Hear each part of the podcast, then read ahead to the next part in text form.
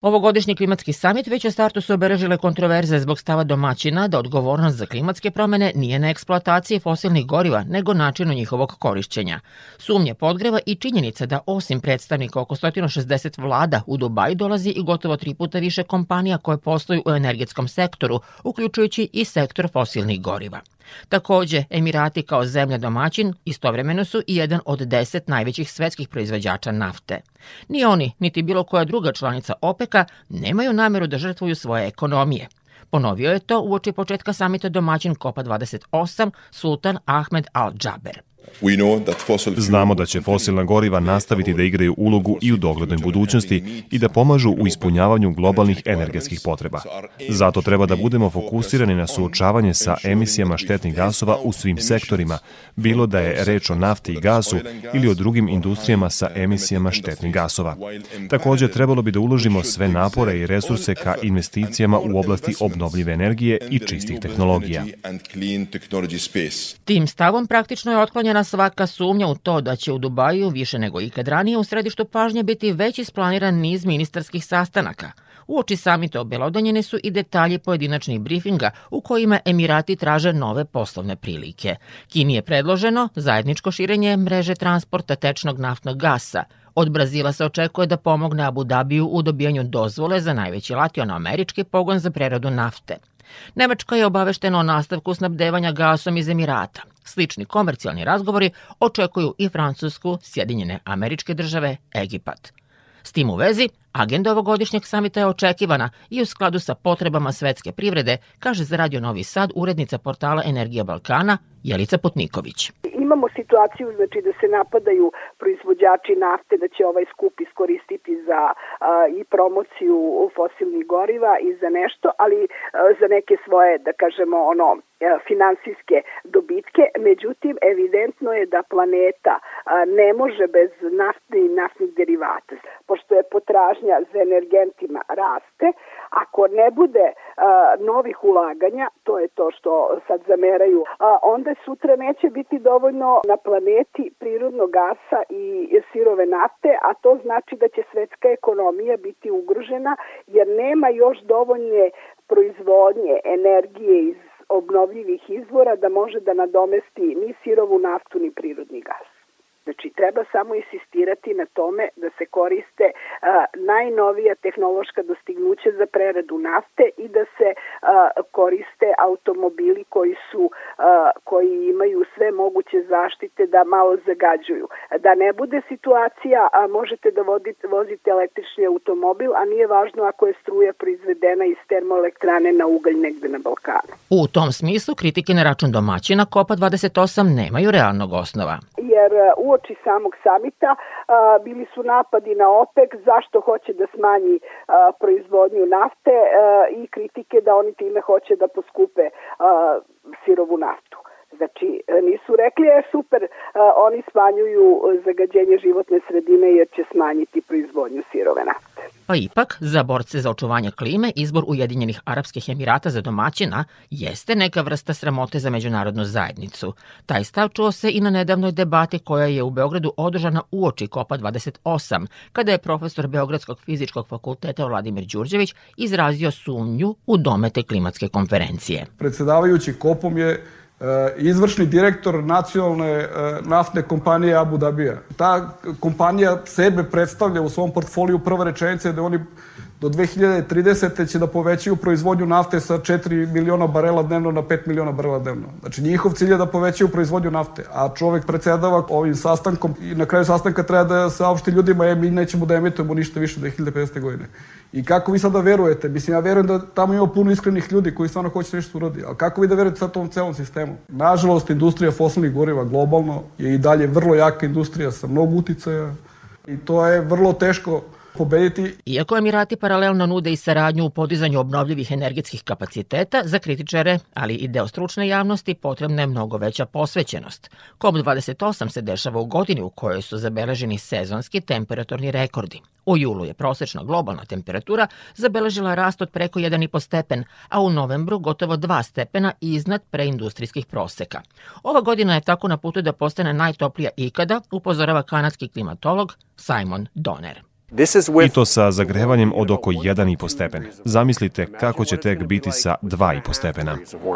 Ovaj stručnjak ipak je umereni optimista kada je reč o ispunjavanju ciljeva Parijskog sporazuma, nulte emisije ugljen dioksida i ograničavanja globalnog temperaturnog rasta na 1,5 stepen do 2050. godine. Pre 10 godina svetski naučici bi vam rekli da smo na korak od zagrevanja za 4 i više stepeni. Trenutni izveštaj pokazuju da aktualne politike ipak vode ka usporavanju do 3 stepena. Vodeća autorka ovogodišnjeg izveštaja Ujedinjenih nacija o emisijama N. Olhoff upozorava na to da aktualne projekcije u tim okvirima predstavljaju srednje vrednosti, odnosno globalni temperaturni prosek. One će se veoma razlikovati u različitim delovima sveta. Na primer, 2,9 stepeni globalnog zagrevanja može biti više od 60 stepeni u Africi. To znači rizik da će neki delovi sveta postati nenastanjivi.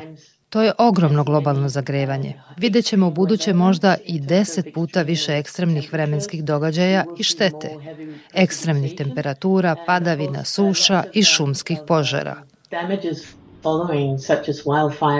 To znači da će za mnoge delove sveta umesto ekonomske podrške energetskoj tranziciji biti potrebna potpuna reparacija štete, jer onima koji su ostali bez kuća i useva nisu potrebni solarni paneli nego novo mesto za život, zaključuje analitičarka Ujedinjenih nacija.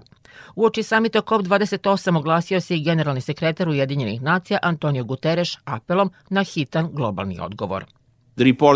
Izveštaj pokazuje da se emisije štetnih gasova ne smanjuju, nego se te pukotine pretvaraju u kanjone. Moramo da preokrenemo kurs. I kao što smo videli u ovim analizama, ključni aspekt je zavisnost od fosilnih goriva. I kao što je i ranije upozoravao, krivica čoveka nedvosmislena, a posledice odavno predvidive. Jedino iznenađenje je brzina kojom se sve dešava. Klimatske promene su zastrašujuće i to je samo početak.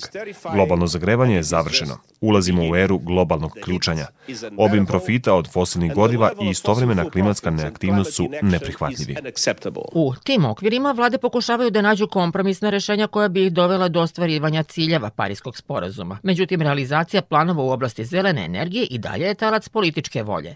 Decenijama su žrtve klimatskih promena bili duhovi koje bogatiji svet jednostavno nije video. Sada kada su konačno prepoznate, rasprava se prebacila na teren krivice, što ometa čak i opšte prihvaćene dogovore poput onog o fondovima za podršku, kaže Jelica Putniković veoma, veoma malo toga se sprovodi. Fondovi za siromašne to još nije zaživelo, to, tu se ne pomaže.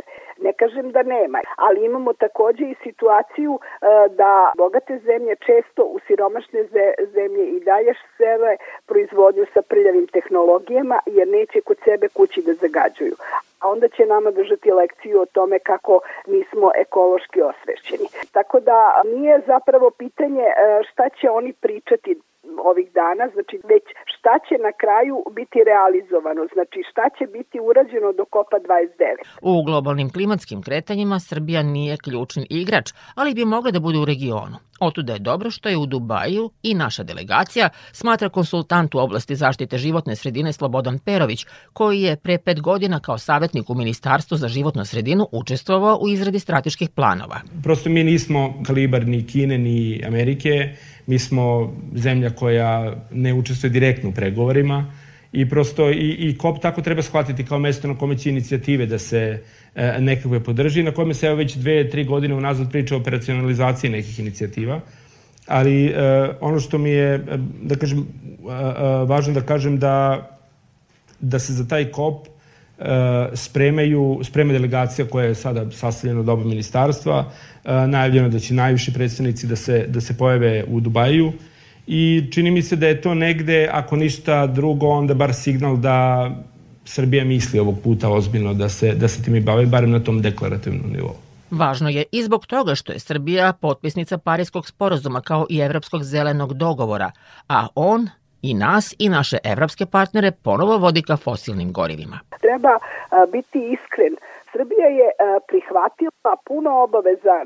Mi smo prihvatili da idemo ka tom zelenom cilju koji svet hoće i Srbija ako hoće ekonomski da se razvija i da znači sutra bude bogatija zemlja koja će imati više para da ulaže u zaštitu životne sredine, ona mora da ulaže u gasifikaciju jer gas jeste jedno ekološki najprihvatljivije, a pristupačno gorivo i čak ga je i Brisel proglasio za tranziciono zeleno gorivo.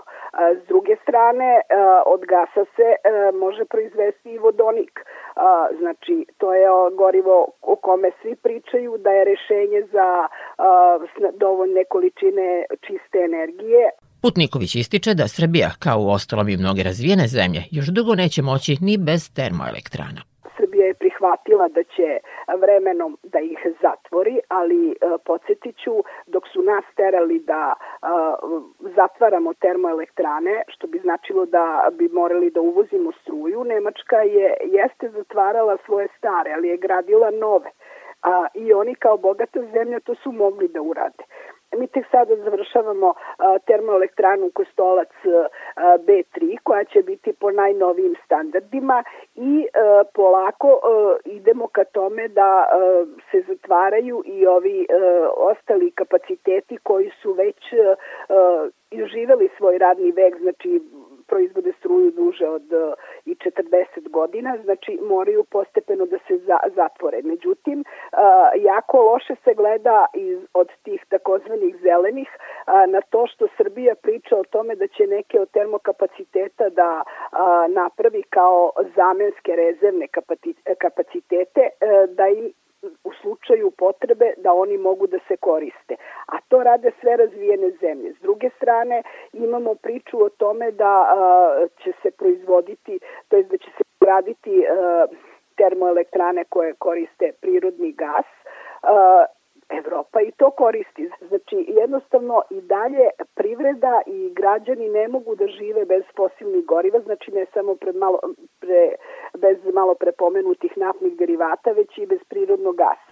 Dok se svet prepira oko narednih koraka, predstavnici vlada stigli su u Emirate sa svojim brigama i interesima, te evidentnim dubokim podelama.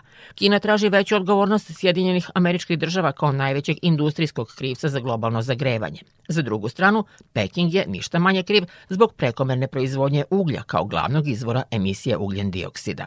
Evropska unija traži da se do kraja decenije svi obavežu na utrostručenje obnovljivih energetskih kapaciteta. Klimatski pregovori su vođeni međunarodnim rivalstvom, domaćom politikom i prepirkama oko novca umesto željom da se planeta zaštiti. Zbog toga i na ovom klimatskom samitu glavno ostaje pitanje dometa. Sektor Plus. Svet sa naslovnice.